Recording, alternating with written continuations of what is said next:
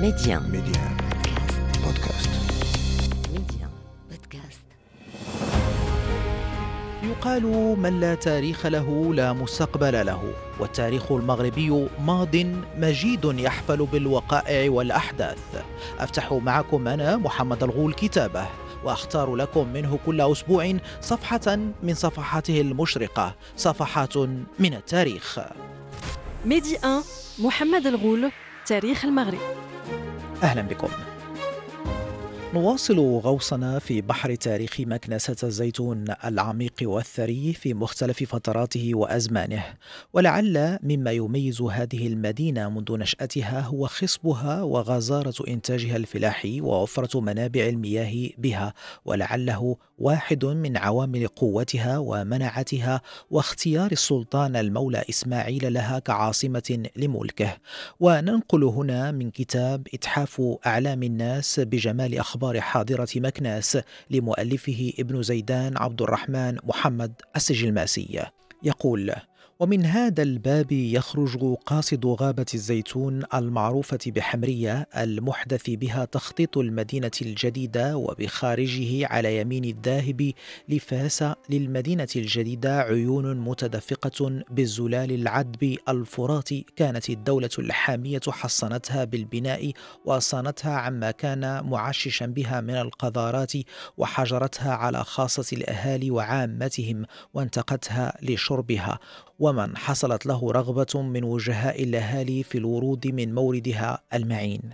ثم ينتقل أما الخارج من باب ترم الصغيرة أحد أبواب المدينة اليوم وقيدناها بالصغيرة احترازا عن ترم الكبيرة الكثيرة السكان الكائنة داخل باب البردعيين المحدث فيها اليوم الباب الذي أعد لدخول البقر عند إيابه من المسارح فتبقى الحوائر التاورية وما عطف عليها عن يساره وجميع تلك الحوائر لا يعرف اليوم إلا بتورة. إلا حارة بني موسى فإنها لا زالت معروفة باسمها القديم. والطريق المارة لزرهون فاصلة بين حوائر تورة وحوائر بني موسى. وغرسات تلك الحوائر والبساتين الزيتون والتفاح وأنواع الإجاص والصفرجل والرمان والخوخ وأنواع كثيرة من التين لا تكاد توجد في غيرها. وغيرها والمشمش والبرقوق والعنب والتوت الشهي والليم. وقد عفت تلك الحوائر ودرست الأطلال والرسوم ولم يبقى لهذا العهد بالمدينة لنسل سكان تلك الحوائر أثر غير بني حموش المعروفين في الزمن الحاضر بالحمامشة. فإنه لا زال موجودا. أعرف واحدا منهم يتعاطى خطة العدالة حتى ينتقل المؤرخ ابن زيدان عبد الرحمن السجلماسي إلى القول ومن أشهر حوائر بني موسى في العصر الحاضر جنان العرفة وموليزيان والظاهر وبهذه البساتين عيون منهمرة بالعد بالزلال مبنية عليها الصهاريج المهمة تسقى منها غرساتها كما تسقى كغيرها من الساقية المعروفة بقشمارة وماء هذه الساقية يخرج من ماء أودية المدينة المضاف ويسقي أيضا تلك الأجنة بماء عيون حربل النابعة أسفل قصبة تولال خارج باب سيدي سعيد أحد أبواب المدينة كما سيمر بك بحول الله. انتهى حتى هنا نقلنا عن كتاب إتحاف أعلام الناس بجمال أخبار حاضرة مكناس. آية في القرآن كاينة في كتاب الرحمن. بالوالدين حسان فيها كم من معاني. فيها هدي الله alta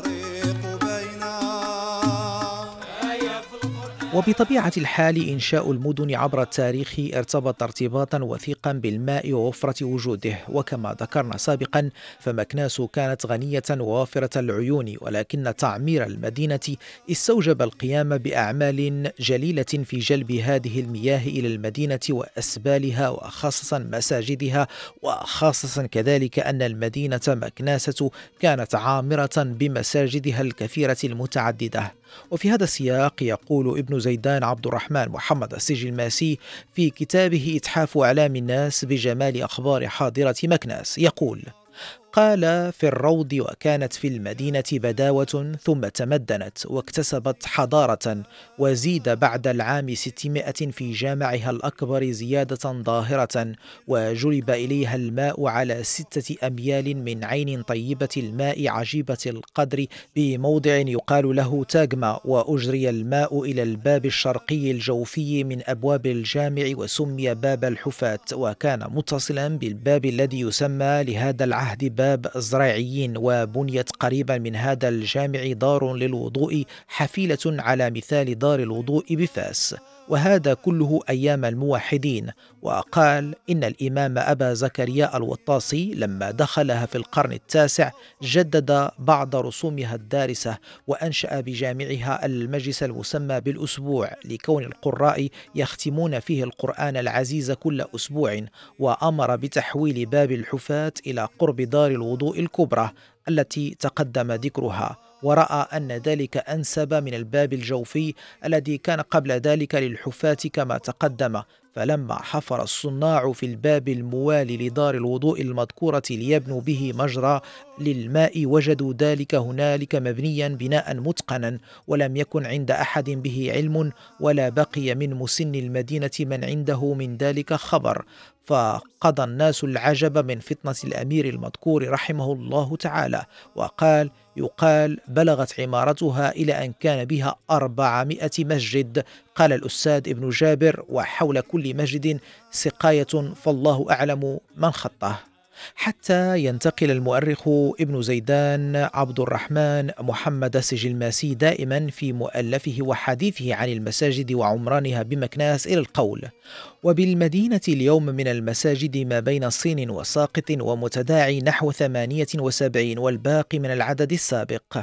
وقال ابن غازي منهما صار دورا وبساتين وقصورا زمنه ما اندثر ولم يبق له خبر ولا أثر والمعد للخطبة منها اليوم اثنا عشر مسجدا ودونك عدها المسجد الأعظم المعروف بالجامع الكبير والمسجد العتيق وهو المعروف بجامع نجارين وجامع الزيتونة وجامع باب البردعيين ومسجد سيدي عبد القادر العلمي ومسجد سيدي سعيد ومسجد القصبة السلطانية ومسجد قصبة هدراش النقاش ويعرف بجامع لالا خضراء ومسجد الأزهر الموسوم بجامع الأروى ومسجد قصبة بريمة ومسجد السيد الحاج القدوة الولي الشهير ومسجد قصبة تلال وبها من الصوامع التي ينادى بها للصلاة ثمانية وعشرون. حتى هنا انتهى نقلنا عن كتاب إتحاف أعلام الناس بجمال أخبار حاضرة مكناس.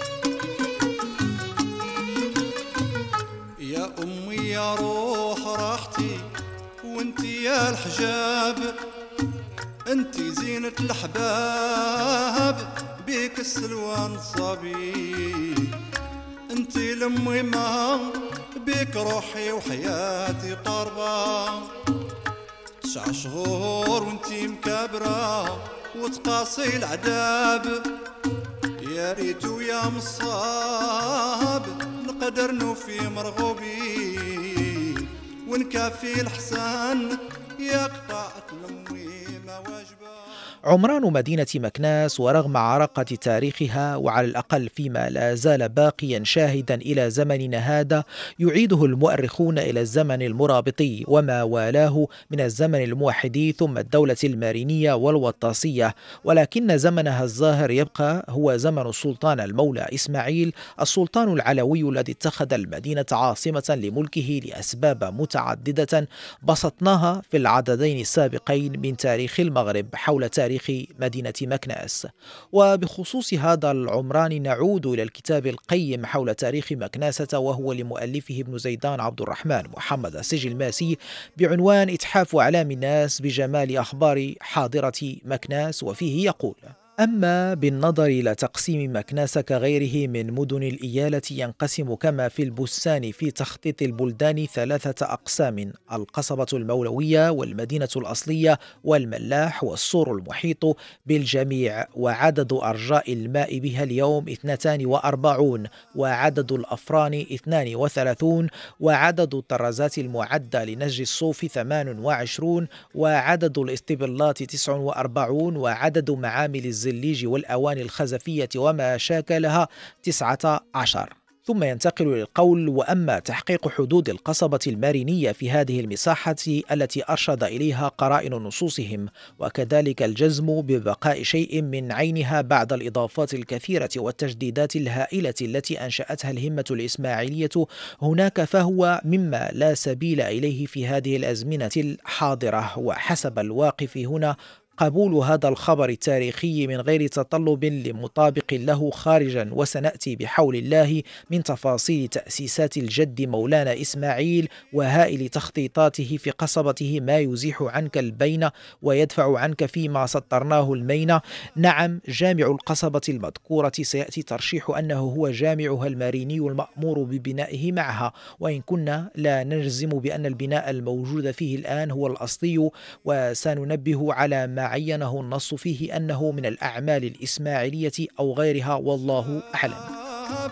حتى ينشى المصابي وتسعدي بيها نهار ربي يصرف الكاتبة كنت ضعيف وكان عدتي لي مرطاب شبابك فيا شاب رانا كملت شبابي. كيف ندير نرد وحتى ينتقل المؤرخ للقول ولنديل ما تقدم بما شيدته الدولة الحالية العلوية شيد الله منارها في هذه البلدة فنقول قد بنى بمكناسة الملك المطاع الذي ملأت جلالته القلوب مهابة ورعبا في سائر الأصقاع تاج مفرق الدولة العلوية العلية ومؤسس فخرها وموثل مجدها سيدنا الأكبر المولى إسماعيل برد الله ثراه وفسح له في عدنه مساجد ومدارس ومعالم دينية ووسع أكنافها ومهدها ومدنها وأتقنها وأحكم صنعها وحصنها بالأسوار الشاهقة والمعاقل الضخمة الشامخة والسقائل والأبراج العديدة ذات البال وأدارها بقصبات عديدة ومنها ما هو متصل بسور البلد ومنها ما هو منفصل عنه كما سيمر بك مفصلا بحول الله. فمن تأسيساته بها قصوره الفاخرة الجميلة المتنافسة المزرية بدائعها بالبديع وضخامة آثارها بما بناه الأولون على اختلاف عناصرهم وتباين أديانهم وتباعد أزمنتهم المضروب بهياكلها المدهشة الأمثال من عظماء الدول سلفا وخلفا الخالدة الذكر في بطون تواريخ الأمم السالفة. حتى هنا انتهى نقلنا عن كتاب إتحاف إعلام الناس بجمال أخبار حاضرة مكناس لكاتبه ابن زيدان عبد الرحمن محمد السجل الماسي وكما لاحظتم فهو يؤكد بأن تعمير المولى إسماعيل حتى منه ما قام على ما سبقه من عمران في المدينة غطى عليه وتجاوزه في الفخامة والعظمة والأبهة. نشوانا بالصران هذا هو هو الحب حينطخ فوق القلوب الساخنة يا أمي وانتي عنايتي يا حضن الأمان ظاهر بيكون شوان. يا من تطفي نيراني يا برد المهجة الهايجة نواصل في تاريخ المدينة مع ضيفنا أستاذ التاريخ بجامعة مولاي إسماعيل بمكناس الدكتور رشيد بن عمار مكناس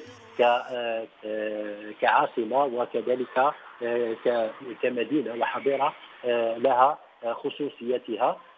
قد تتلاقى وتتشابه مع خصوصيات مدينة فاس ولكن هي تختلف كذلك لأن كل كل سلطان كان له ما يميزه في في الجانب العمراني. هذا هذا هذا الموضوع أستاذ رشيد ينقلني إلى سؤال آخر. ما هي أبرز المعالم التاريخية العمرانية التي لا زالت مدينة مكناس تحتفظ بها؟ ليس فقط من خلال الفترة الإسماعيلية وبطبيعة الحال الفترة الإسماعيلية هي الفترة الزاهرة أو الذهبية للمدينة لكن قبل فترة المولى إسماعيل هل احتفظت المدينة بربما مواقع عمرانية تاريخية تشهد لهذه المدينة بالعراقه مدارس مساجد مثلا؟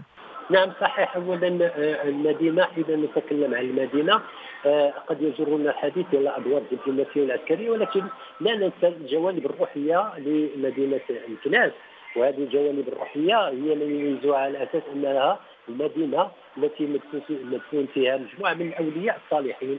فحين نتكلم عن هادي بن عيسى على سبيل المثال وحين نتكلم عن عبد الرحمن المجدوب وحين نتكلم على مجموعة من الزوايا هذه الزوايا تتوسط الأحياء. المدينة الأصيلة في في مدينة الكناس وهذه الزوايا ان دلت على شيء فإنما تدل تدل على البعد الفكري الذي كان الواقع الفكري الذي كانت تعرفه مدينة مدينة الكناس بالتي هي بالقرب مدينة القرويين اللي هي فاس المتوسطه في مدينة فاس وبالتالي أن الجوانب الدينيه كانت حاضرة بقوة من حيث أن هناك أضرحة وزوايا التي تتخلل وتتوسط المدينة الأصيلة الهديم في مدينة الكناس وكذلك المساجد بحيث أن هناك المسجد الكبير مسجد البردعيين. والمسجد البردعي الذي يعتبر هو المسجد الجامع. وحين نتكلم عن المسجد الجامع نتكلم على على طريقة تخطيط المدينة. وهنا نأتي إلى ذكر نوعية التخطيط الذي خطط بها مدينة مكناس في فترة متأخرة في العهد المريني التي كذلك عرفت مجموعة من المدارس المرينيه في مدينة مكناس وهذه وهذه حقيقة كذلك بحيث أن المريني لم يهتم فقط بمدينة فاس بل أكثر من ذلك يهتم كذلك بالعمران في مدينة مكناس بمساجدها وكذلك بمدارسها. وحين نعود إلى هذا الاهتمام نعود إلى كذلك إلى عملية التخطيط. انطلاقا من من مسجد من العوده الذي يعتبر مسجد الجامع ثم توزيع الارتفاقات داخل المدينة الأصيلة لمدينة الفلاس وكانت المهن مثلا الكتبيين بالقرب من البردعيين من مسجد البردعيين وكذلك بائع الأسواق وكلما مر خرجنا من إلى المدينة خارج المدينة الأصيلة نجد الحرف ذات رائحة نافئه مثلا مثل الطاغين دار الدبغ على سبيل المثال. اذا كان هناك تخطيط هذا التخطيط عرفته المدينة على العهد الماريني وهو الذي وزع المدارس على حسب الأحياء وكذلك المساجد في مدينة الكناس فمثلا على سبيل المثال مسجد سيدي المراكشي آه الذي آه هو في حمام السويقه هذه إذا ذكرنا مسجد سيدي الصباغ مسجد اليابوري آه مجموعة من المساجد وكذلك آه، آه، مسجد سيدي الحارثي آه، سيد الملح. إذا هناك مجموعة من المساجد التي لا يمكن أن يتجاوزها كل كل باحث. وداخل هذه المساجد كانت هناك كانت هناك مسيد أو مدارس صغرى ما يسمى بالمسيد وإلا أن كانت هناك مدارس كذلك في في هذه مثل مدرسة الخطارين وهي بالقرب من سوق الخضار القديم وهي التي المدرسة التي أسسها السلطان أبو الحسن الماريني وكذلك مدرسة العدود والفلالية. ولا يمكن أن نقول هي آه، أن المدارس آه، التي عرفتها مدينة الكناس العهد المريني كذلك آه، عفوا المدارس التي عرفتها مدينة فتح العهد المريني فمدينة الكناس لقيت حظها كذلك من جانب هذه المدارس. العهد المريني هذا هو الذي طبع طبع العمراني التقليدي الإسلامي الذي إلى هو ما زال مستمرا إلى الراهن رغم أن دخول الفراسين إلى مدينة الكناس وعزل المدينة الأصيلة على المدينة الجديدة إلا أن طبيعة العمران في مدينة الأصيلة في مدينة آه، الكناس آه، ظلت تقاوم وتحافظ على هذا الإرث الثقافي والتراث اللامادي الذي تحظى به آه، مدينه الكناس لأن نريد ان نبرز مدينه الكناس كيف